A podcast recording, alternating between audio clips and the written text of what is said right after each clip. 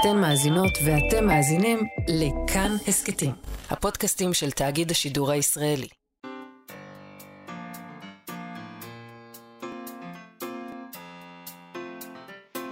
מה שכרוך עם יובל אביבי ומה יעשה לה.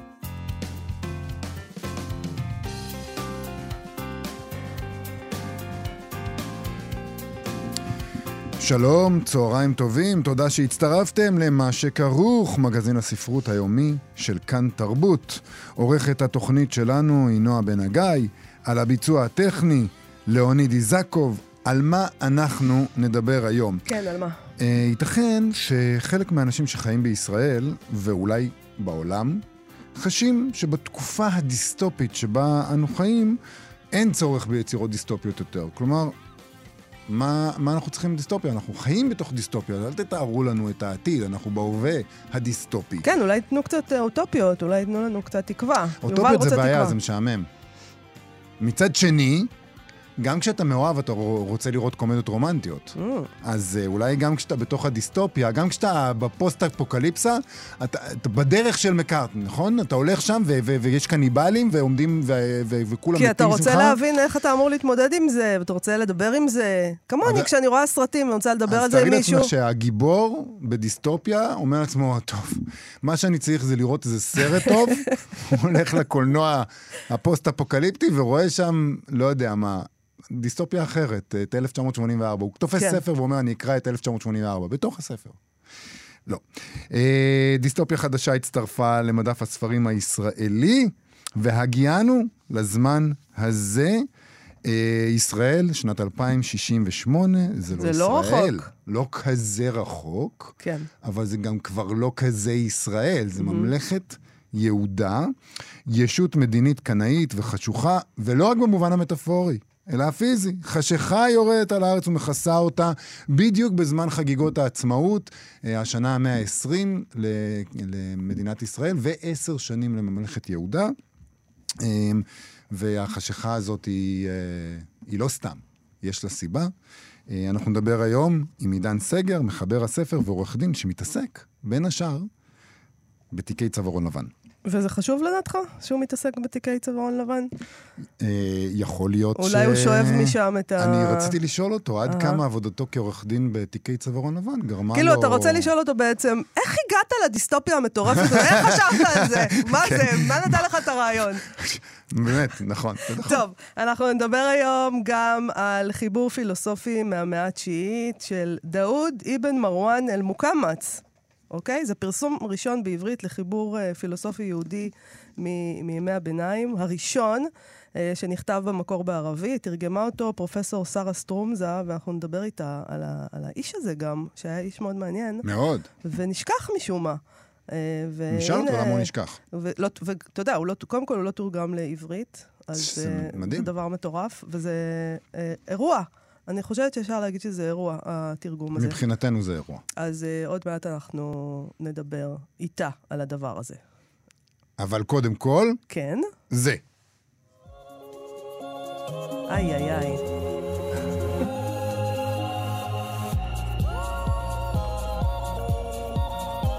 אני לא יכול... אני... למה זה כל כך מפעיל אותנו? אני לא יודע. אני רוצה לרקוד, אבל אני בעיקר רוצה לעשות את זה בעצמי. אני רוצה לעשות את הלולולו הזה.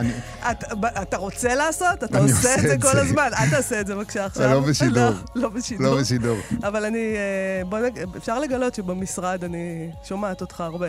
לא רק אותי. לא רק אותך, אתה לא היחיד. הדבר הזה מדבק. נכון. אה, טוב. אנחנו הבטחנו. הלוטוס הלבן, למי שלא יודע. כן. זאת אה, נעימה מהלוטוס הלבן. אה, איחור אופנתי של בומרים או late bloomers, זה מקרי לדעתך ש late bloomers ובומרים נשמע קצת דומה? אני לא אוהבת שאתה מכניס אותי לתוך הדבר הזה. כלומר, תראה, אני לא מסתירה את הגיל שלי, אני די מודעת לו. בומר זה לא גיל, אבל... זה מצב נפשי. אוקיי, אני יודעת, אבל כשאתה אומר, אה, אנחנו הבומרים, late bloomers, אתה מתכוון אל עצמך. אני גמרתי לראות הלוטוס הלבן אה. לפני שהוא התחיל. בזמן. בזמן הצילומים כבר נכון. ראיתי אותו, ופשוט חיכיתי לאדון שהצטרף. אז הנה, אה, יובל הצטרף למסיבה, נכון. ואנחנו יכולים עכשיו... הלוטוס הלבן. מחפשת עם מי לדבר. פרק. הסיום, פרק הסיום כן. שלה שודר בדיוק לפני חודש. זה לא כזה מזמן, נכון? לא, אבל אפשר- זה עכשיו כבר למת. זהו, כאילו. זה מת, אפשר לחגוג, מה שאנחנו עושים זה אנחנו חוגגים לה את היורצייט, נכון? כן. חודש חוד- למותה. לפני חודש הסתיימה הלוטוס הלבן והגיע זמן הסיכומים. בואו ניזכר בעונה השנייה של הלוטוס הלבן. אוקיי, אז מה הולך שם? אה, העונה הזו עוקבת, תופתעי לשמוע, אה, אחר אורחים עשירים ופריבילגיים בריזורט יוקרתי, אבל הפעם בסיציליה. חלק מרכזי מה, מהסדרה הזאת, לא רק בעונה הזאת, אגב, גם בעונה הראשונה זה היה ככה. זה הספרים שהדמויות קוראות, זו סדרה מאוד אה, ספרותית. השם שלה, נזכיר, נלקח מאוכלי הלוטוס, אלה דמויות מיתולוגיות, מה, אה, מה, דמויות מהמיתולוגיה היוונית, שבהם אה, אודיסאוס נתקל בדרך הביתה. הן אוכלות את צמח הלוטוס, וזה עושה להם הלחוש וסימום ונעים ככה, זה סם, זה עושה טוב. והאנשים שלו, של אודיסאוס, אה, אוכלים מהלוטוס, ואז הם אומרים לעצמם, אנחנו נישאר פה, גבר, עזוב אותך עכשיו, לחזור הביתה וזה, בוא, נת- וזהו, הם נשארים ככה. וזה כמובן משל על מה קורה לך כשאתה בריזורט יוקרתי. לא משנה איפה הוא בעולם. נכון. בעונה הראשונה היו עוד ספרים. למשל, הדמויות של שתי תלמידות קולג' יומרניות קראו על שפת הברכה את ניטשה וטקסטים תיאורטיים של פרויד וג'ודית באטלר ופרנס פנון, וזה היה מאוד מצחיק לראות את הדברים האלה, וזה היה נכון. נורא יומרני לכאורה, כשבסוף התברר שהן פחות אה, יומרניות אולי ממה שאפשר לחשוב. לא יודעת אם זה מה שהתברר, אבל בעיניי זה היה, זאת הייתה בחירת ספרים יותר טובה ממה שיש בעונה הזאת, כי היא הרבה יותר מבדחת. נכון. אה, פה הם פחות התבדחו. אז זהו, שזה חבל. וגם בכלל, העונה הזאת פחות טובה, בעיניי. אה, שלא לומר די. גרועה. לא, אה, אני די. לא חיכיתי חודש כדי שאתה תראה את הסדרה הזאת, ואז אתה תבוא ותגיד לי שזו עונה מעולה. זו עונה. מעולה. לא. הפרק האחרון קצת בעייתי. אוקיי. אבל זאת עונה מעולה. לא, זאת לא עונה מעולה, זאת עונה הרבה הרבה פחות טובה מהעונה הראשונה, יודעת ש- ולפרקים אף גרועה. יש דיבור על זה שהיא יותר טובה מהעונה הראשונה. כן, כן, אני מכירה את כל הדיבור. יובל, יכול אני כבר גמרתי לדבר על זה, לא, אני שמעתי. פשוט גיליתי אתמול, כשסיימתי שיש דיבור. פשוט אה, אני רוצה להזכיר לך, אולי את זוכרת את המקרה של רעש לבן, שכולם שנאו ואת אהבת, כן, ולמה אולי... אני, אני לא חוזרת בי, יובל, אני עומדת אה, כסלע איתן מול כל הגלים לא האלה אוהבת את רעש רמה. אוהבת את מה שכולם שונאים, שונאת את מה שכולם אוהבים. טוב, העונה הזאת, בוא נגיד בצורה גסה, כי אנחנו לא ניכנס לניתוח אה, של התסריט הזה, היא עוקבת אחרי, יש שם ככה, שני זוגות, דפני וקמרון, אה, כאילו זוג רדוד, מאוהבים מאוד, דביקים, מעוניינים בכסף, לא טורחים להצביע. כמה קווים לדמותם. כן. אה, הם באים עם זוג אחר, אה, איתן והרפר, שהם מאוד מודעים פוליטית וציניים, אה, וגם עשירים מאוד. עכשיו הם אה, התעשרו. הוא אני. קראתי לו לאורך העונה איתן. איתן, איתן. בוא נקרא לו איתן. הוא כל כך לא איתן. לא, הוא הוא לא. קצת איתן בעצם. הוא כן איתן. איתן. אה, הם מגיעים, הזוגות האלה, לחופשה ביחד, ומאחורי החיוכים והנחמדות, אז זה מתגלה כמובן שהם בתחרות אחד עם השני, וכל החופשה הופכת לדרך שבה כל זוג מתמודד עם האפשרות של בגידה, פרידה, עצימת עיניים, איך מתמודדים עם כל הדבר הזה.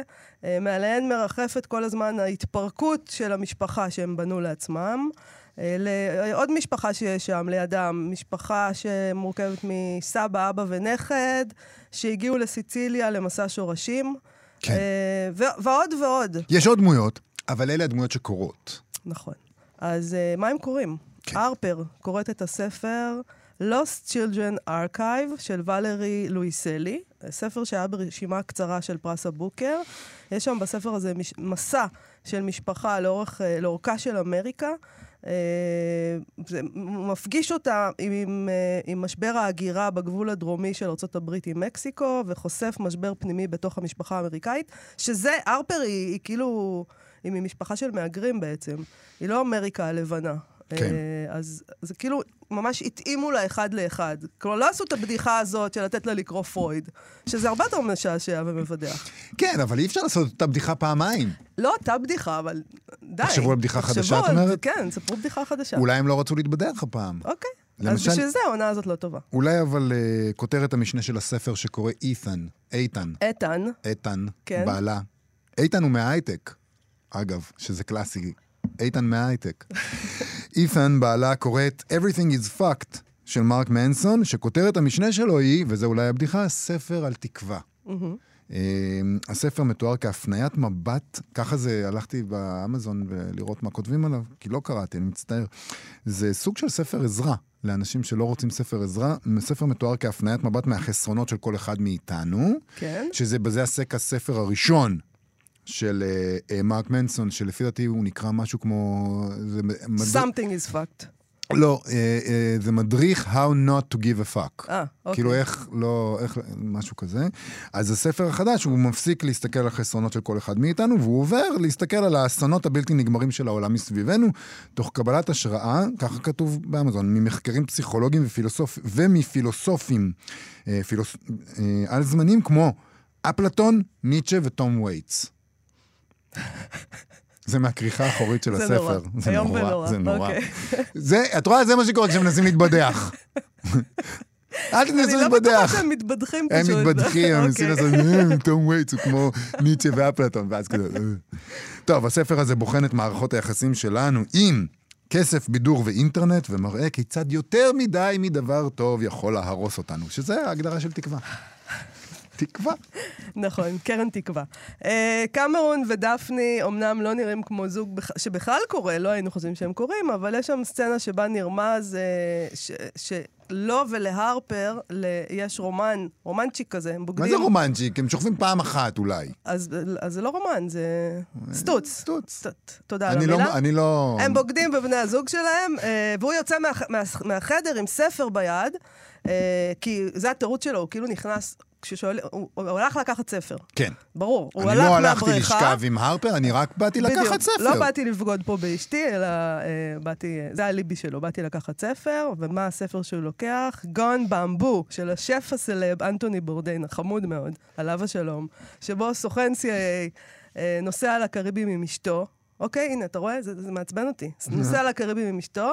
בהקדמה שם, בורדיין כתב, רציתי לכתוב ספר חוף סוציופטי, רציתי גיבור וגיבורה עצלנים, רצחניים וחופשיים מטהרנות. אני רוצה לקרוא את הספר הזה. נכון, אני גם מאוד אהבתי את אנ- אנטוני בורדן, אבל זה עליו. יותר מדי אחד לאחד, כאילו, הבחירת ספרים, קצת... בסדר, הוא אדם מעצבנת. קמרון. אני חושב שהוא לא שטחי בכלל. השאלה היא לגבי. התסריטאי שכתב את זה, לא לגבי קמרון. האם כאילו. התסריטאי אה, הוא אולי אדם שטחי? התסריטאי הוא אדם שטחי. לא, אני חושב שזה חמוד. הוא הלך על משהו קל מדי, אולי. יכול להיות. אה, אלבי, אוטון אלבי, ככה אומרים את השם שלו? אלבי? אלבי. אלבי. ילד חמוד, נכד כזה חמודי, מתוק, תמים. ברור שאתה חושב שהוא חמוד, הוא פרוגרסיבי כזה, הוא למד נכון, יש מה לו קרה מחשבות לך? נכונות, הוא והוא- בן אדם הוא דפוק חמוד. מהיסוד, כמו כל המשפחה הדפוקה מהיסוד אבל שלו, זה חמוד. ברור. הוא לא חמוד, אני אומר, אמרתי חמוד בציניות, זה היה בלשון סגי נאור, ברור שזה... אה, אתה לא חושב שהוא חמוד? כי בנו אותו חמוד. לא, אבא שלו בגד באימא שלו, ואלבי הזה גורם לו לשלם מלא מלא כסף. סליחה, אני עושה ספוילרים, אבל אם לא ראיתם עד עכשיו, כן. אז כאילו, תשאלו את עצמכם כמה. שאלות קשות. אה, גם מישהו מת שם, אז כאילו, אם אתם לא יודעים מי מת. אה, אז אה, הוא מכופף את ידו של אביו כדי לשלם 50 אלף אירו לזונה, שהוא הכיר ואתה רואה בסיציליה. בזה דבר לא טוב? ואז, בטח, למה זה דבר לא טוב? כי, כי, איך שנייה. אתה מצליח לראות בזה דבר לא טוב? שנייה, כי זה נכלולי, הוא אומר, אני אעזור לך לחזור לאימא, אני אגיד עליך דברים טובים אם תשלם 50 אלף. לזונה שהכרתי. אתה, את- ככה וואו, אתה רוצה שההורים שלך יהיו ביחד? וואו, אתה טהרן ברמות שבאמת אין, אה, לא נודעו עוד. אני אלבי זה- כפול שתיים. ממש, כן. אלבי לא יודע מה זה להיות אלבי. אלבי אה, קורא את הספר The Architecture of Closed Worlds, הארכיטקטורה של עולמות סגורים, כן. אה, של לידיה קליפוליטי. שם יפה. שם מאוד יפה. כן. זה. מה קורה שם בספר הזה? זה ספר שבוחן צורות התיישבות סגורות של בני אדם. צוללות, בנייני מגורים סגורים, אה, קפסולות בחלל, חלליות, כל מיני דברים כאלה שאמורים להיות safe, אה, self-sustainable, כאילו אמורות ל... מעניין. ל... מאוד. ומה שהם אומרים שם... זה שבגדול הדברים האלה נועדו, נועדו לכישלון. אתה לא יכול להיות אה, בתוך קופסה סגורה ולצפות שהדבר הזה יזין את עצמו, בגלל כמות הזבל והחרא שאנחנו מייצרים. שזה גם יפה על הסדרה הזאת. נכון. אתה חושב שאתה יכול לבוא לריזורט ושהכול יהיה בסדר, אבל אנחנו מייצרים יותר מדי חרא בשביל שזה יהיה בסדר. טוב, אה, תשמע, זה משחק שאנחנו אוהבים לשחק, אה, אבל בעיניי זה באמת מהודק מדי, הבחירה של הספרים. אה, היא, היא כאילו יפה, נכון, אבל זה כאילו מתאים, וזה, וואו, אחד לאחד, אה, הכל יפה ומחוכם, אבל אני בשלב הזה מרגישה כמו שבויה של האנשים האלה. אתה יודע, זה כמו סוף טוב מדי. אה, כזה של, כשה, כשהכל מסתדר בסוף, ויש איזה, אפילו אם לא happy end, הכל ברור, ובחיים זה הסוף, פשוט אתה מת בסוף, זה, זה מה שקורה בסוף. בקיצור, אה, אנחנו גם שנינו יודעים שבסוף, בסוף, בריזורטים, כולם, גם האנשים הכאילו מתוחכמים האלה, הם קוראים 50 גוונים של אפור. אז... אני שב ומזכיר את הפעם ההיא שהלכתי לים. עם הביוגרפיה של היטלר. חוץ ממך כמובן, אבל אתה גם לא היית נותן עם שני 50 אלף יורו לזונה. עם שני הכרכים, כדי שאם במקרה אני גומר את 600-700 העמודים של נמסיס, אני אוכל לעבור להיבריס, שהוא עוד 700 עמודים.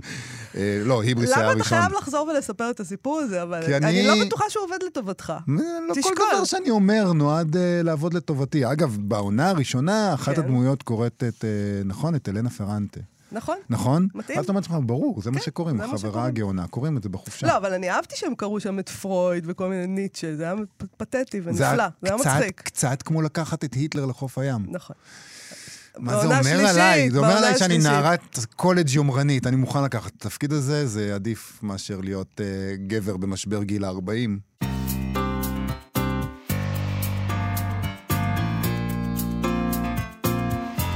מה שכרוך בכאן תרבות, חזרנו.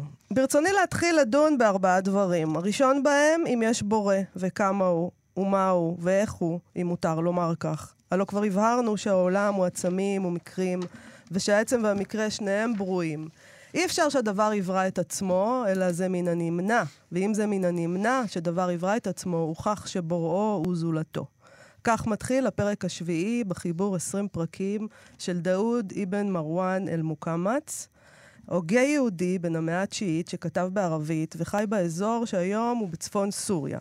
החיבור הזה, שבמשך כמה מאות שנים היה אחד הטקסטים המשפיעים על ההגות היהודית, מעולם לא תורגם לעברית, שזה פשוט דבר שלא ייאמן בעיניי. מטורף. וזה אירוע של ממש, שהוא יוצא עכשיו בהוצאת מאגנס, אה, תרגום לעברית, שנעשה על ידי פרופסור שרה סטרומזה, שלימדה בחוג לשפה וספרות ערבית ובחוג למחשבת ישראל באוניברסיטה העברית, והיא חוקרת בין השאר את הספרות הערבית-יהודית של ימי הביניים. דיברנו איתה פה כבר על אה, הרמב"ם. בעבר, על הרמב"ם. אה, אנחנו שמחים לדבר איתה שוב. שלום לפרופסור שרה סטרומזה. שלום מאיה, שלום יובל, גם שלום. אני שמחה לדבר איתכם. ברכות על הספר הזה, ותודות גם על הספר הזה, ואולי נתחיל ב- באיש הזה. מי הוא היה? אה, דאוד אבן מרואן אל-מוקמץ, אני אומרת נכון את השם? את אומרת נכון, ואת גם הצגת אותו מאוד נכון. הוא היה הוגה יהודי במאה התשיעית, שכתב בערבית. ומה שמיוחד בו זה הביוגרפיה הקצת מעניינת שלו, הקצת מיוחדת, והמיקום שלו בשרשרת הארוכה של הוגים יהודים שעסקו בפרשנות או בהגות או במדע, הוא הראשון. כן. הוא בעצם הראשון שפותח את, זה, את כל השרשרת הזאת, והוא במידה רבה גם קובע את הכיוונים שלה, את השינויים שיכול, שיחולו בה. אה, הוא אדם שלא גדל בלב הממסד היהודי. אנחנו לא יודעים בעצם מה היה הרקע שלו. אבל הוא היה יהודי שהתנצר, למד אצל נוצרים, כי הנוצרים זה היה המרכז התרבותי בתקופה הזאת, למרות שזה כבר אה, אה, תחת השלטון המוסלמי, ואחר כך חוזר ליהוד... ליהדות עם כל המטען התרבותי וההשכלתי שהוא רכש אצל הנוצרים, ומטמיע את המהלכים האלה בתוך היהדות. שזה נשמע מדהים, אנחנו קראנו קראנו ארבע שורות, אבל זה מאוד מזכיר לנו את הפילוסופיה המוקדמת שאנחנו מכירים. סליחה. איך יודעים מהו טוב? איך אפשר להוכיח את קיומו של האל? איך אפשר להגיד מהו העולם? העולם הוא מצ- עצמים ומקרים. זה מאוד מזכיר לנו את הדרך שבה אנחנו זוכרים אה, את המעט שאנחנו יודעים על פילוסופיה אה, יוונית נגיד. מין מחשבה כזאת שאומרת מהו העולם, בואו ננסה לפרק אותו. נכון מאוד, והוא בעצם, אה, זה לא שליהודים לפני כן לא היה מגע עם פילוסופיה יוונית, אבל מלבד אה, פילון האל- האלכסנדרוני במאה הראשונה, אה, בעצם, ה, ה, ואחריו עד אל מוקמאס, בעצם ה- המגע הוא אמ, אני לא רוצה להגיד מושתק, אבל שקט, והוא לא שיטתי. ומוקמאס הוא זה שפותח את הקשר השיטתי עם מחשבה, אה, עם המחשבה הקלאסית היוונית. הוא גם מצטט את אריסטו, הוא מכיר את אריסטו בתרגומים, אה, בוודאי מכיר גם תרגומים אחרים, והוא בעצם מתחיל להכניס את, את הפילוסופיה היוונית לתוך המחשבה היהודית של ימי הביניים. ומה ההשפעה שלו כשזה כן נכתב? כש... כש... קראו אותו? קראו אותו, לא? קראו אותו הרבה, זאת אומרת, מאז שהוא כתב ועד המאה ה-13-14 קוראים אותו הרבה, וגם, אני כאן מתקנת את הדברים שאמרה מאיה בהתחלה, תרגמו חלקים מהחיבור הזה לעברית, אבל רק פרקים. אה, זה הסתובב, זה היה נפוץ. ומכיוון שהתרבות של ימי הביניים היא לא תרבות של פוטנוט, אז גם אלה שלא מצטטים אותו, אפשר לראות, כמו סעדיה גאון, אפשר לראות שהוא מכיר אותו ומצטט ומשתמש בו הרבה. אז הוא בעצם סולל את הדרך. אחר כך אפשר לפתח את הדברים, לעדן אותם, לשפץ אותם, להתווכח איתו בלי להזכיר את שמו, אם להזכיר את שמו. אבל הוא בעצם זה שפותח את, ה, את ארון הספרים הקלאסי ואת דרך החשיבה הפילוסופית לפני אה, יהודי ימי הביניים. את חושבת שיכול להיות שהוא נשכח, אה, נשכח באיזה מידה, כי, כי הוא התנצר? למשל? זה לא מצא חן בעיני... אני לא חושבת, מפני שזו עובדה שזה לא הפריע לאף אחד במשך מאות שנים. מצטטים אותו. בכלל, כשאנשים אה, מתנצרים וחוזרים, בין אם זה באונס, בין אם זה ברצון, הכלל או הנוהג היהודי היה שלא מחת... לא, לא מגרדים את הפצעים. הוא יהודי עכשיו, הוא כן. כותב כיהודי, הוא מתווכח עם הנצרות, אה, משתמשים בו. זה לא נראה שזה מפריע. אני גם לא חושבת שהוא נשכח, הוא נדחק הצידה. נדחק, זה, כן. כי הוא ראשון, וכמו ראשון, אה, אחריו מפתחים את הדברים ומתווכחים את זה ומתקנים את זה. אז אחריו יש אנשים שהם יותר תופסים את החלון הראווה, נקרא לזה ככה. אז איך הוא מתאים לנו היום? מה אנחנו יכולים ללמוד ממנו היום?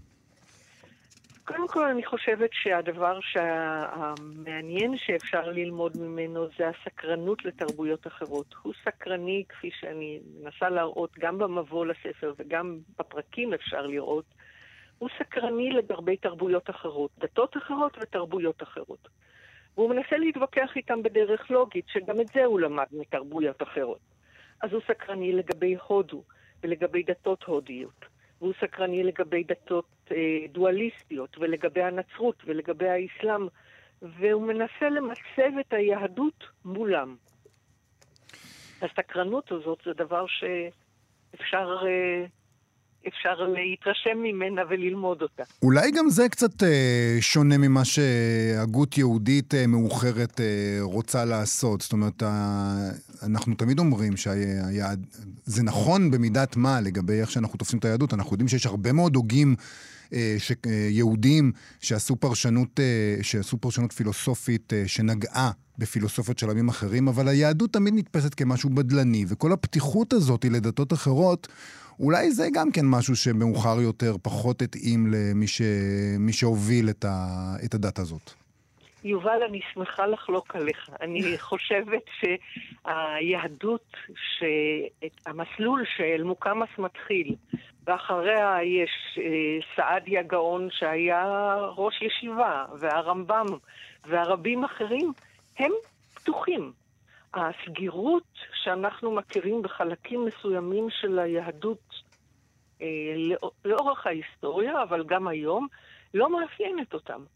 הפחד לפתוח טלפון לא כשר לא היה קיים אצלנו. והסקרנות הזאת, מבחינה זאת, הוא ממש לא יוצא דופן. ומבחינה זו ממש מסמל את המסלול. אחריו אותו הדבר זה אצל סעדיה ואותו הדבר זה אצל הוגים קראים. זה לא מפחיד אותם. הם, זה לא שהם מסכימים עם כל מה שהם שומעים, זה לא שהם מתווכחים בנימוס, הוא לפעמים מתווכח בצורה שהיא מאוד לא מנומסת עם הנצרות. כן. אבל הוא, לא אכפת לו ללמוד אותה, להציג אותה לקוראים שלו, ואחר כך להתווכח איתה. צריך להגיד שזה ספר, אני לא רוצה לרפות את ידי הקוראים או משהו כזה, אבל זה ספר פילוסופיה, קשה לפעמים אה, לקרוא אותו ולעבור, את יודעת, זה קצת כמו, את יודעת, אה, לקרוא פילוסופיה ולעבור, צריך לעבור לפעמים אה, שלב-שלב בטיעון שלו. הטיעון שלו הוא גם מסתמך, כמו שראינו בפרקים המאוחרים יותר, על מה שהוא כבר קבע בפרקים המוקדמים יותר. וזה ממש קצת כמו לקרוא פילוסופיה אה, במובן הכי זה דקדק. בדיוק כמו לקרוא כן, פילוסופיה. אבל... אפילו. נכון, נכון. אני- מקווה שההקדמה לספר אה, מתווכת את זה קצת. אני לא הייתי מסתדר בלעדיה, בלי הקדמה שלך. כבר אז אני אומר. אני שמחה לשמוע. ההקדמה, אני, לקוראים שמצויים בפילוסופיה של יהודית של ימי הביניים, שמכירים את חובות הלבבות או את הרמב"ם, אני לא חושבת שיהיה קשה לקרוא אותו. אבל למי שאיננו מצוי, אני חושבת שלקרוא את המבוא, יש כאן סיפור על, על אה, אה, ביוגרפיה מעניינת של אדם מתקופה שאנחנו לא מכירים. ואפשר מהביוגרפיה לקפוץ לקטעים שונים בספר ולטעום ולראות. אה, יש מי שיעניין אותו התיאור שלו של מפגש בדמשק עם מוסלמי וצורת הוויכוח ביניהם. יש מי שיעניין אותו לשמוע על הוויכוח שלו עם הוגים הודים. אבל כך או כך, אני חושבת שאפשר להתחיל דרכו דווקא להתרגל לדרך המחשבה הפילוסופית. הוא מנסה להרגיל את הקוראים שלו לזה, הוא מניח שצריך להיות שיטתי כדי לעזור לקוראים שלו. אל מוקמץ, 20 פרקים, אה, פרופסור שרה סטרומזה, תודה רבה על השיחה הזאת ועל הספר הזה.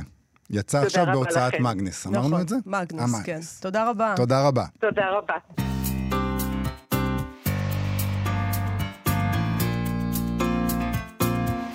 מה שכרוך בכאן תרבות, חזרנו אחרי ליזו. אמרתי את זה נכון? פתאום חשבתי... אמרת את זה נפלא פשוט. למה אני כל כך עסוק? מדויק. מה אכפת לה אם אמרתי ליזו או ליזו? בדיוק. לא, מה- מה אכפת אתה לה? מאוד עסוק בזה, בלהגיד נכון. אני חושב. לעצמי, יושבת שם, איפה איפה היא גרה? בקליפורניה. אני, זהו, זה בדיוק את הפרט הזה אני לא יודעת, איפה היא גרה. מקשיבה למה שכרוך? ואומרת לעצמה?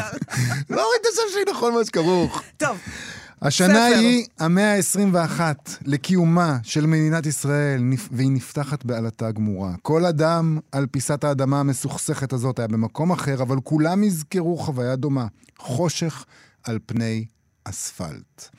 חושך על פני בניינים, חושך על פני רמזורים שהפסיקו לעבוד, על פני מכוניות אוטונומיות שאיבדו אוטונומיה ושבתו מכל מלאכתן אשר עשו. חושך על פני שלטי חוצות ומסכי ענק, על פני רמקולים שנדמו, על פני מיקרופונים שהכזיבו את דובריהם, על פני הערים הגדולות והיישובים ההרריים, על פני בתי כנסת ומתפללים, על פני מעשים מגונים, על פני אנשים ששוחחו והשתתקו ברגע מסוים. ככה מתחיל, והגיענו לזמן הזה, דיסטופיה ישראלית יהודית. את רואה, יש פה מכונות אוטונומיות ומסקי ענק וזה וזה, אבל גם בתי כנסת ומתפללים, זו ממלכה קנאית שבה יש... במעשים מגונים, זה הכי נכון. אהבתי. זה תמיד נשאר. כן, טוב. לא משנה כמה אתה מתקדם, כמו- זה תמיד נשאר. כמו. ג'וקים, הם ישרדו גם את הפצצה הגרעינית, ההטרדות כן. המיניות. אמ, אמ, אבל אנחנו בישראל 2068 בסך הכל. נכון, זו ממלכה. קנאית שחוגגת את עצמאותה בהפרדה מגדרית תחת חוקה שמעניקה אה. את הכוח השיפוטי לרבנים, ממליכי המלך המשיח. מי שמסרטט עבורנו את העתיד העגום הזה הוא עידן סגר, עורך דין שעוסק במשפט אזרחי וציבורי ובתיקי צווארון לבן, שזהו ספרו הראשון שיוצא עכשיו בהוצאת אה, כנרת זמורה. וזה לא רק ישראל, זה רק החצי הראשון. יש חצי שני שעוסק בארצות הברית, שם יש דיסטופיה אחרת, אבל מחרידה לא פחות. שלום עידן סגר. שלום, מאיה ויובל. שלום.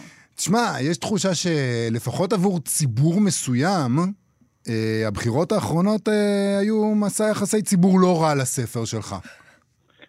כן, כן. אה, ת- תמיד יש את החשש הזה אה, בכתיבה של דיסטופיה עתידנית, בטח אה, כזאת שיש בה מימד אה, ריאליסטי מובהק, כמו החלק בספר על אה, ממלכת יהודה, להבדיל מדיסטופיה שמשלבת ממדים בדיוניים כמו השתתפות חייזרים או זומבים, אה,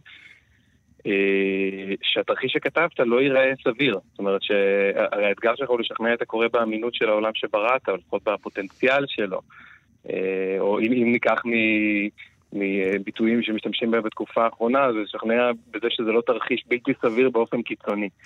אה, ופה, ממש כשהספר יצא, בחודש נובמבר, ניתן לו איזשהו בוסט מציאותי כזה. למשל, אה, בספר מתוארת איזושהי הפגנה גדולה מול הכנסת, לפני, ה... אחרי הבחירות הגורליות אה, של 2058 ולפני העלייה של ממלכת יהודה. שבה שללו זכויות הצבעה ממי שלא יהודי מספיק, או הוא מתאר נגיד חוק אישור אפליה, שמאפשר להפלות אדם לפי המידה של היהדות שלו. כן. וזה נגיד סעיף שראינו שנכנס להסכמים הקואליציוניים האחרונים. אז אולי אתה צריך להרגיש אשם קצת, אולי נתת להם רעיונות. זהו, אני לא חושב שהם הספיקו לקרוא. אוקיי. אני מתקשה להאמין שהם הספיקו לקרוא.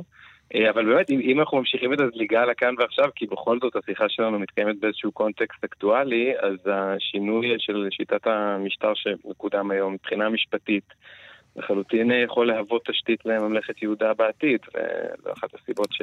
למה זה כל כך מפחיד אותנו, התרחיש הזה? למה, אה, למה חילונים מסוג מסוים, נקרא להם, כל כך מפחדים מדתיים? הרי בסך הכל הסיכוי שתהיה פה ממלכה קנאית דתית, אפילו כשאנחנו חושבים על דיסטופיה, הוא לא כזה...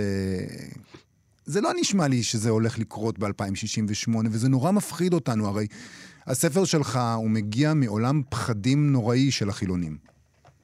אה, כן, למרות שאני חייב להגיד שגם מישהו דתי לא, לא בהכרח אה, נהנה מהממלכה הזו, אה, לשון המעטה, אפילו חלק מהדמויות הראשיות הן הרי בשר מבשרו של, ה, של השלטון והן מתנגדות לשלטון. כי הספר הוא, הוא, הוא, לא, הוא לא יוצא נגד הדת, אלא נגד כפייה דתית, ולמעשה נגד כפייה בכלל, זה נגד השימוש בדת וההקצנה שלה עד אינסוף כאיזשהו כלי של מעטים שהם בראש הפירמידה לצבירה ושימור של כוח פוליטי. הרי גם אנשים שהם דתיים לא נהנים משלטון אה, כופה אה, שיקבע להם עם מי הם יכולים להיות בזוגיות, איך הם יכולים להתלבש, במה הם יכולים לעבוד, אה, מתי הם יכולים לצאת את אה, תחומי המדינה, ויאיים עליהם בעונשי מוות או בסנקציות אחרות שהן חמורות קצת פחות. ואני חושב, אם אני מתחבר לשאלה שלך עוד, הבעיה עם שלטון שהוא מבוסס על, על אדנים דתיים ו- ולא דמוקרטיים, זה שהוא בהגדרה חייב להיות כופה. כלומר, הוא חייב, הרי מקור הכוח שלו זה אורח החיים הדתי. הוא צריך לוודא שהאורח החיים הזה לא יעורער. אה, אנחנו רואים את זה בזעיר אנפין אה, עם האופן שבו המפלגות החרדיות היום אה, מנהלות את, ה, את הקהילות שלו, מנסות לפחות להשפיע על הקהילות שלהן. כן, אבל אתה יודע, כל שלטון הוא כופה. יגידו לך את אותו דבר על מערכת דמוקרטית. גם אנחנו רואים דמוקרטיות גדולות כופות דברים על האזרחים שלהם, ובוודאי בוודאי כופות, אתה יודע, נגיד, החלק השני שלך עוסק בארצות הברית, יגידו לך בארצות הברית, אתם כופים עלינו את השיח הפרוגרסיבי של, שלכם, אתם כופים עלינו לקבל קהילות שאנחנו לא רוצים ליד הילדים שלנו. אז פה אני חושב ש, שיש לנו אה, עיקרון אה, ש, ש, ש, שטובים ו, ורבים אה, אה, הגו בו עוד קודם, עיקרון הנזק של ג'ון סטיוארט מיל. עיקרון מאוד פשוט שאומר שלאדם יש את החירות לעשות אה, כל מה שהוא אה, רוצה, אה, ובלבד שהוא לא פוגע באחר.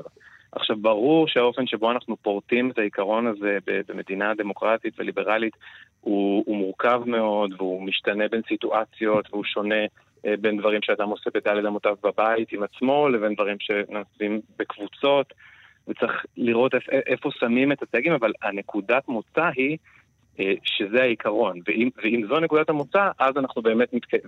להשקפתי, ושוב, זה לא רק השקפתי, אלא זו השקפה רווחת של המאה האחרונה, ולצערנו עכשיו היא מתחילה להתערער. אה, זו נקודת המוצא לדיון הזה. ברגע שנקודת המוצא היא השלטון מחליט כל מה שאתה עושה שולט על, על, על כל אמת מידה בחייך ואוכף סנקציות אם אתה לא פועל בהתאם, אז נראה לי שאנחנו סוטים אה, מהדמוקרטיה ש, שתיארת. מה, מה גרם לך לכתוב את הספר הזה? מה, מה נקודת מוצא? למה הלכת ל-2068? למה ממלכת יהודה? מאיפה זה בא? אה, וואו, טוב, צריך אה, לחזור הרבה אחורה. קודם כל, אה, שמעתי את, את תחילת התוכנית, ויובל העלה שם איזושהי שאלה על, ה, על האם העבודה שלי כעורך דין, דווקא בתחום צווארון לבן, כן. תרמה ליציאה של הספר. אז לא הייתי אומר שדווקא ההתמחות בתחום הזה, אבל כן בהחלט בתחומים של משפט ציבורי, חוקתי ומינהלי. אה, העבודה שלי כעורך דין, אז היא גורמת, בכלל, של עורכי דין שמתעסקים במשפט הציבורי, היא גורמת לך להיות קודם כל מאוד ער לשבריריות של שיטת המשטר בישראל. הרי אצלנו הרשות המבצעת היא שולטת ברשות המחוקקת, והיא גם הרשות המכוננת, זו שיוצרת את החוקה. אה, וזו גם בדיוק הבעיה, אגב, עם המצב הנוכחי, שאיזשהו רוב מזה רוצה לשנות היבטים מהותיים של השיטה. אז, אז החשיפה הזאת של נקודות החולשה ולברגים האלה של הדמוקרטיה, כי המשפט הציבורי הוא, הוא השלד שעליו הדמוקרטיה בנויה, אני חושב שזה מה שהניע בהרבה מובנים את הכתיבה של החלק הישראלי של הדיסטופיה. ובאמת גם אחת התגובות הבולטות שאני מקבל בנוגע לספר זה שהתהליך המשפטי שמוביל להפיכה של ישראל ליהודה אה, מתואר בצורה ריאליסטית. אנשים קונים את זה במרכאות. אני חושב שהמקצוע אה, סייע בבנייה של הדבר הזה. אבל אם, אם אנחנו הולכים עוד אחורה, אז בכלל הרעיון הבסיסי שצץ לי בראש, אני, אני מדבר בערך על שנת 2013, כן? שנבין עד כמה הספר הוא, הוא לא אירוע שהתגלגל עכשיו כן. uh, כדי לצאת בבחירות האלה. Uh, היה סביב מחשבה על, על אירוע אישי, סוג של פיגוע כזה שמתרחש בחתונה להט"בית, לכאורה בשם הדת, ושבעקבותיו הגיבור, הלהט"ב יוצא לאיזשהו מסע נקמה. ועוד לפני בכלל שהתחלתי להעלות את הרעיון הזה על הכתב, אז התחלתי יותר לשים לב ללוחות הטקטוניים האלה שנעים סביב המילים יהודית ודמוקרטית. אה, כאילו אולי מצחיק לומר היום בדיעבד, אבל זה היה אז סביב אה, עליית הבית היהודי בראשות mm-hmm. בנט, לאיזושהי אה, גדולה מסוימת. אם אתם זוכרים, היו אירועים בבתי ספר תיכוניים שבהם ילדים להורים גאים קמו והתנגדו מאוד לגישה האנטי-להט"בית של המפלגה. כן. אה, וכמובן, תמיד היו ברקע רעשים של רבנים אה, שמסיתים לשנאת להט"ב ושנאת נשים ודה-הומניזציה או הדרת נשים. וחשבתי מפה שיהיה מעניין אולי טיפה להרחיב את הפריזמה אה, ולהציג אותנו במנהרת הזמן לעולם שבו... איזה סוג של תחקיר למשל עשית? זאת אומרת, חשבת לעצמך מן הסתם, אתה יודע, יש בספר שלך סנהדרין, ויש את כל, ה, את כל הדברים שאנחנו מכירים אותם כאיזה מין כותרות כאלה של מה שמפחיד אותנו משלטון קנאי דתי. כן. עד כמה היית צריך באמת אה, לחזור ולדמיין, עד כמה באמת הם חוזרים, הרי כמו שתיארנו בפתיחה, זה מדינה מתקדמת, יש בה מכונות אוטונומיות, יש בה את כל מה שאנחנו מצפים שיהיה ב-2068. ברור. חוץ מהעובדה שהשלטון שייך לאלפיים שנה אחורה. חוץ מהחושך. כן.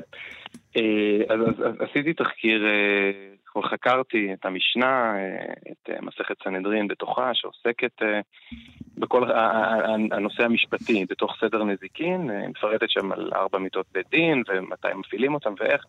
וגם הייתי מודע לזה ש, שיש כמובן מחלוקת אה, פרשנית בנוגע לשאלה עד כמה עונשי מוות שנזכרים במקרא באמת נאכפו. אה, והרבה אומרים שהם לא נאכפו בכלל, או, או בטח לא לעיתים קרובות, כי הם רק נועדו לסמן איזשהו מדרג ערכי, כאילו את עומק הפסול בעבירה. אה, ומתבססים בין היתר על הרבה תנאים שהם הגדירו כדי לגזור עונש מוות, אבל בסוף בסוף, אה, כשרואים האם יש פתח לדבר הזה, אז קיימת הסכמה, גם אם לא יודעים כמה נאכף בעבר, שיש איזשהו פתח לאכוף במקרים מיוחדים ולצורך השעה. ואותי המרחב הזה של שיקול הדעת אה, הטריד, וגם היה איזשהו פתח ל, ל, ליצירה של העולם הזה, כי באמת הוא מייצר את החשש שבעתיד מישהו ישתמש בו לרעה, באותה אמתלה של צורך השעה. אה, אגב, זה גם אחת הסיבות ללמה לא כדאי להפקיד סמכות מוחלטת בידיה של רשות אחת, כי היום אולי הדברים ברורים, וכמו שיובל אמר מקודם, לא נראה לי שזה יקרה בעתיד הנראה לעין, אז היום אולי זה עוד פחות סביר גם אחרי הבחירות האלה לדמיין את זה, אבל אם זה המבנה... אין לו, פשוט אין לו דמיון מפותח, ולא צריך כזה דמיון מפותח. גם שמעתי שפעם האשמת אותו שבגלל שהוא גבר לבן סטרייט, אז הוא... בדיוק, בדיוק. בדיוק מה שבאתי להגיד, זה לא שאין לי דמיון, פשוט יש לי יותר מדי פריבילגיות, והדמיון של עולם נטול פריבילגיות הוא לא הזוי בעיניי. כן. אנחנו צריכים עוד מעט לסיים, ודיברנו מטבע הדברים על החלק הראשון של הספר, נכון. שעוסק בנו, אבל יש לו חלק, ממש חצי מהספר עוסק בכלל בארצות הברית, כשיש איזה ככה כמה קווי עלילה דקים שקושרים בין שני הצדדים, אבל נכון. אה, אני כן חושב שאפשר בהחלט להגיד ששני החלקים מאוד חשובים אה, אחד לשני. אה, נגיד ממש בקצרה שבחלק השני יש, אה, עוסק באיזה אה, תאגיד שמאפשר לאנשים להפקיד בתאגיד הזה את הגוף שלהם, ומחברים אותם למחשב, וממשיכים לחיות לנצח בתוך איזה עולם פנטסטי, מטריקסי כזה, והם שוכבים להם שם באיזשהו מחסן, מחוברים למחשב לנצח, וחיים את החיים הכי טובים שהם היו יכולים לדמיין לעצמם. לא, לא נדבר על הקשרים בין, ה, בין שתי העלילות, אבל אני חושב שאולי הדבר המרכזי הוא שאתה מנסה להגיד לנו זה שאנחנו ישנים בעמידה? זה מה שאתה אומר לנו? אה, אני מנסה להגיד לנו, אה, ש, ש, קודם כל זו שאלה אם אני מנסה להגיד או מנסה לשאול. Mm. אה, זה, זה, כי, כי לכאורה יש דברים טובים בהצעה הזו, נכון? הרי כל אחד נכנס למה שהם מכנים שם מכונת חלימה. ו- ומוותר על, על כבלי היום-יום, מגשים את החלומות שלו, הוא גם לא יודע שהוא בתוך המכונה, אז מבחינתו זה, זה המשך טבעי של החיים, אין מחלות, אין קשיים. אה, לכאורה, וגם הרבה אמריקאים בזמן ההתרחשות של הספר עונים על זה שזה דבר טוב, ונכנסים. אה, מה, ש, מה שרציתי להגיד פה, ו, ו, וזה קשור גם לחלק הראשון כמובן, זה שיש לדעתי שתי תזות שמאוד מאיימות על, או מייצרות חששות בקרב האדם הליברלי בתקופה הזו, ואגב, שימו שאני אומר ליברלי ולאו דווקא חילוני. אחד זה באמת אה, השגה של ערכים דמוקרטיים והשגה של חופש, שזה החלק הראשון אה, נוגע בו הרבה. והשני זה המרדף הזה אחרי, אחרי מימוש עצמי, אחרי אה, אה, חריטה בזיכרון, זיכרון הקולקטיבי, שיראו אותי, שישמעו על מה אני עושה, הנה אני ברשתות החברתיות. ודרך המרדף הזה אנשים מאבדים גם הרבה פעמים מגע עם, עם המציאות עצמה, כאילו זה בא לידי ביטוי בסמארטפונים, אנחנו גם רואים שלשם הרשתות החברתיות מנסות להצעיד אותנו, כל היוזמות של אה, מרק צוקרברג אה, סביב העולם המטה. אה, רוצים הרי שנעביר את החיים שלנו, נעתיק אותם למרחבים וירטואליים. זה פשוט נראה לי רעיון מעניין לבחון מה קורה בעולם שזו האלטרנטיבה המרכזית, פשוט תחיה את מה שאתה רוצה שם, מה, מה קריאת התיגר על זה, וכמובן שהיא באה מכל מיני כיוונים. והגענו לזמן הזה, עידן סגר יצא עכשיו בהוצאת כנרת זמורה. תודה רבה על השיחה הזאת. תודה, תודה. תודה. ביי ביי.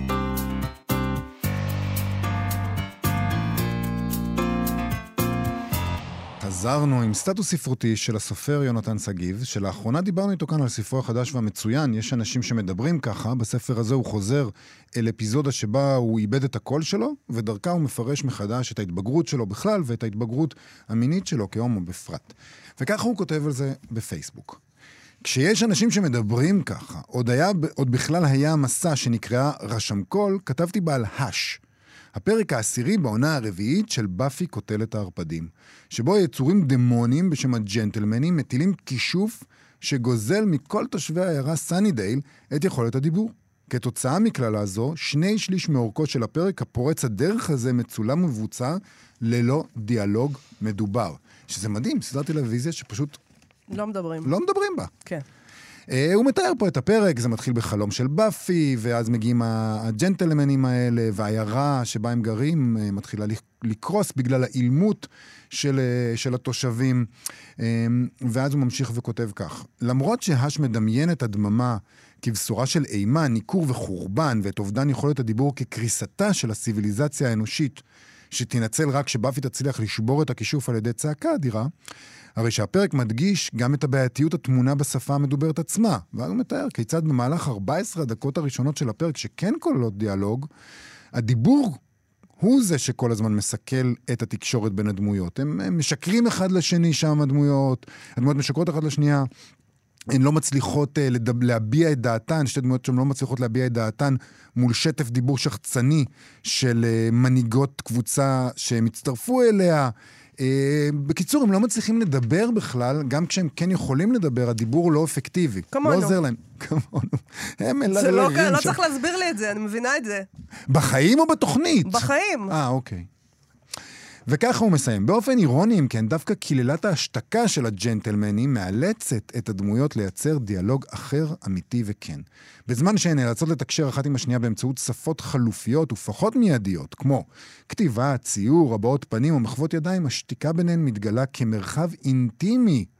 הוא מאפשר, למסע, מאפשר סוף סוף לבאפי וריילי להתנשק, לטרה ווילו לאחוז ידיים לראשונה, לזנדר להתוודות על אהבתו לאניה. אני מקווה שאני אומר את השמות של הדמות האלה, לא, זה מאוד חשוב לנו לא שתגיד את השמות לא, זה האלה חשוב, נכון. זה חשוב, את לא מכירה מעריצים של באפי, הם יסכלו אותי. כן. אמ, אז בתוך העלילה של האש, אמנם מזהירה מסכנות השתיקה, אה, דווקא הדיבור על זמינותו ומהירותו, דווקא המילים על ריבוי משמעותן, המניפולציות וההסתות שלהם, נחשפים גם הם כמכשול אפשרי לחיבור בין אנשים. השתיקה מופיעה בפרק כשבר פתאומי, שדווקא מאפשר להשתחרר מכוחן המסלף של המילים, כפריצה אל מחוץ לכלא המקביל של השפה וחוקיה. בלימה המבורכת של הדיבור המתעתע והכוזב. במובן הזה, מתחת לפחד הגדול מהדממה באש, נדמה כי מסתתרת חרדה גדולה באותה מידה מהגילוי שדווקא הדיבור עלול להיות מה שמפריד בינינו לבין עצמנו ובינינו לבין העולם. אני חושב שזה יפה מאוד. כן. יפה מאוד. אני חושב שזה גם מופיע מאוד מאוד יפה בספר של יונתן שגיב, נכון? שפתאום, כשאין לך את הקול שלך, אתה מצליח סוף סוף אה, להביע את אתה עצמך. צריך להתחיל להבין מה הולך. כן. כן. יפה. עד כאן, יובל, תוכניתנו להיום. עורכת התוכנית שלנו היא נועה בן נגי, על הביצוע הטכני לאוניד איזקוב. מאזינים ומאזינות יקרים, בואו לבקר בעמוד הפייסבוק שלנו. נשמח מאוד לראות אתכם גם שם, ונהיה פה שוב מחר, בלי נדר. להתראות. אתן מאזינות ואתם מאזינים לכאן הסכתים, הפודקאסטים של תאגיד השידור הישראלי.